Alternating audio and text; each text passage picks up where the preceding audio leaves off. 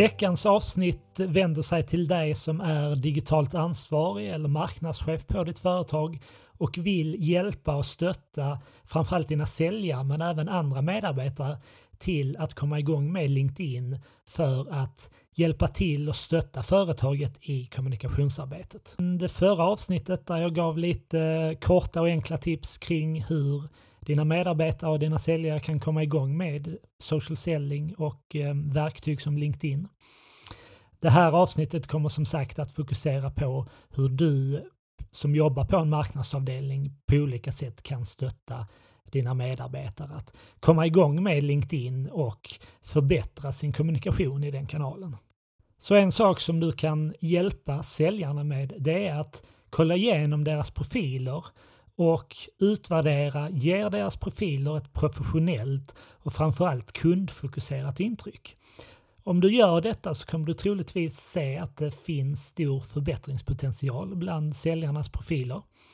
Det kan handla om sådana saker som att de inte har lagt in en profilbild eller de har ingen omslagsbild eller de har inte lagt in tidigare tjänster eller sin utbildning och så vidare. Och framförallt kommer du se att de troligtvis inte har skrivit en kundfokuserad profil utan har de tagit fram en text i sin profil så är den väldigt fokuserad på dem som person. Alltså en redogörelse för var de tidigare har arbetat, vilka ansvarsområden de har, kanske vilka personliga egenskaper de har och så vidare. Och här kommer säljarna att behöva ta fram en betydligt mer kundfokuserad profil. Så att när det landar en kund på deras profil så behöver det tydligt framgå hur säljarna kan skapa skillnad för sina kunder. Alltså vad, är det för värde man tillför? På vilka olika sätt kan man göra det? Alltså vad är det för tjänster och produkter som man erbjuder? Och vilken skillnad kan de tjänsterna och produkterna innebära för kunden? Och det här kan vara enklare för dig som, som arbetar med marknadsföring och kommunikation att hjälpa säljarna att ta fram de här texterna. Och här skulle jag säga att ta inte fram en text som används eh, på samma sätt av alla säljare eftersom vi kommer förlora personligheten i säljarnas profiler. Så det ni kan göra är att ta fram någon form av mall som ni sedan anpassar utifrån respektive säljare så att vi fortfarande behåller en personlig touch till deras profiler. Säljarna kan även lägga till kundcase i sin profil genom att använda det avsnittet i profilerna som kallas projekt. Eh, det här hittar man på den blåa knappen högst upp i sin profil. Lägg till nytt profilavsnitt. Välj projekt där och så har säljarna då möjlighet att lyfta fram specifika kundcase som, som är relevanta för just den säljaren att synliggöra. Och även här kan ni stötta med eh, liksom utformning av de här kundcasen, vilka texter som går att använda och så vidare. Och naturligtvis så ska ni ju ha godkännande av era kunder att använda eh, det här materialet. En annan sak som ni kan göra det är att helt enkelt hjälpa säljarna med utbildning kring hur de använder LinkedIn och i synnerhet hur de publicerar statusuppdateringar. Och i samband med detta också ge dem en förståelse för vad ska man säga, den, den övergripande kommunikationsstrategin som företaget har. Eh, visa dem väldigt konkret hur de hittar till er företagssida, hur de delar innehåll som ni har lagt upp på företagssidan. Påminn Eh, säljarna att alltid lägga till en personlig reflektion eller analys kring det som delas så att de inte bara vidarebefordrar innehållet utan även tar chansen att bygga sitt eh, eget professionella varumärke genom att eh, dela med sig av sina reflektioner, tankar och idéer kring det som de delar om. Det finns också verktyg som kan underlätta för säljarna. Ett sådant verktyg som jag själv använder är Buffer Eh, som helt enkelt schemalägger inlägg till sociala medier.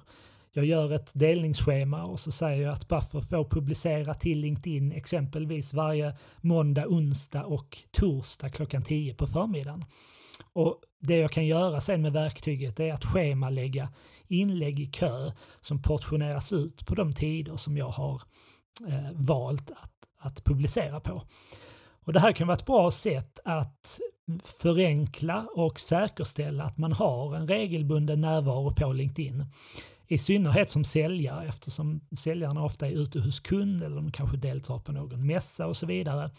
Som gör att med hjälp av ett sådant verktyg så kan man säkerställa att eh, de håller en regelbunden frekvens på LinkedIn.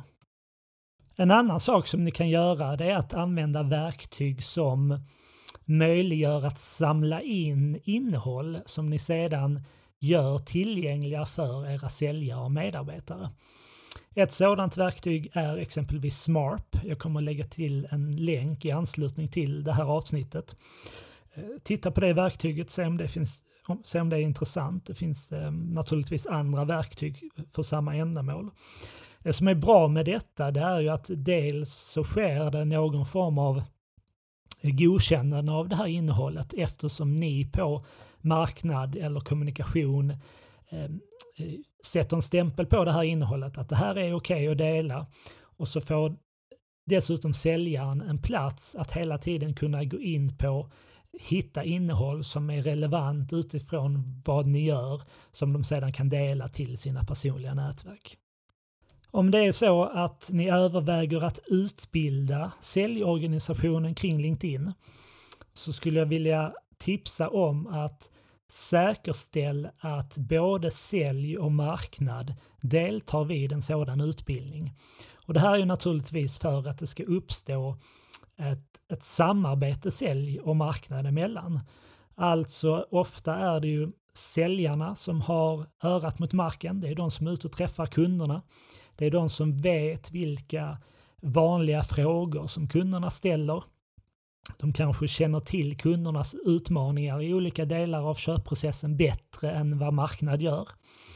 Medan marknad har förmågan att ta till sig den här inputen för att producera innehåll i olika former som sedan säljarna kan använda dels direkt i kontakt med kund men även genom att publicera länkar till bloggartiklar, videoklipp, e-böcker, white papers och så vidare till sina sociala nätverk. Avslutningsvis vill jag säga att låt detta ha tid. Det här är en resa som ert företag kommer att göra. Ni kommer troligtvis möta motstånd i början hos vissa av era medarbetare som känner sig otrygga kring huruvida de ska representera företaget eh, utifrån sin personliga närvaro på LinkedIn. Jag tycker också man ska vara ödmjuk inför att alla inte känner sig bekväma med att publicera saker i sociala medier. Så här får man helt enkelt stötta och vara eh, vad ska man säga, förberedd och öppen för att personer kan göra misstag och, och ha en viss ödmjuk, ödmjukhet inför det. Och med det sagt så vill jag önska dig lycka till. Jag hoppas att er sälj och marknadsavdelning hittar ett bra samarbete så att ni kan få ut ännu större effekt av er digitala närvaro. Eh, jag kommer att lägga till ett antal länkar som jag tror kan vara användbara för er i anslutning till det här avsnittet. Prenumerera gärna, gå in på vår blogg där du hittar fler artiklar om just social selling. Så hörs vi här snart igen. Ha det bra!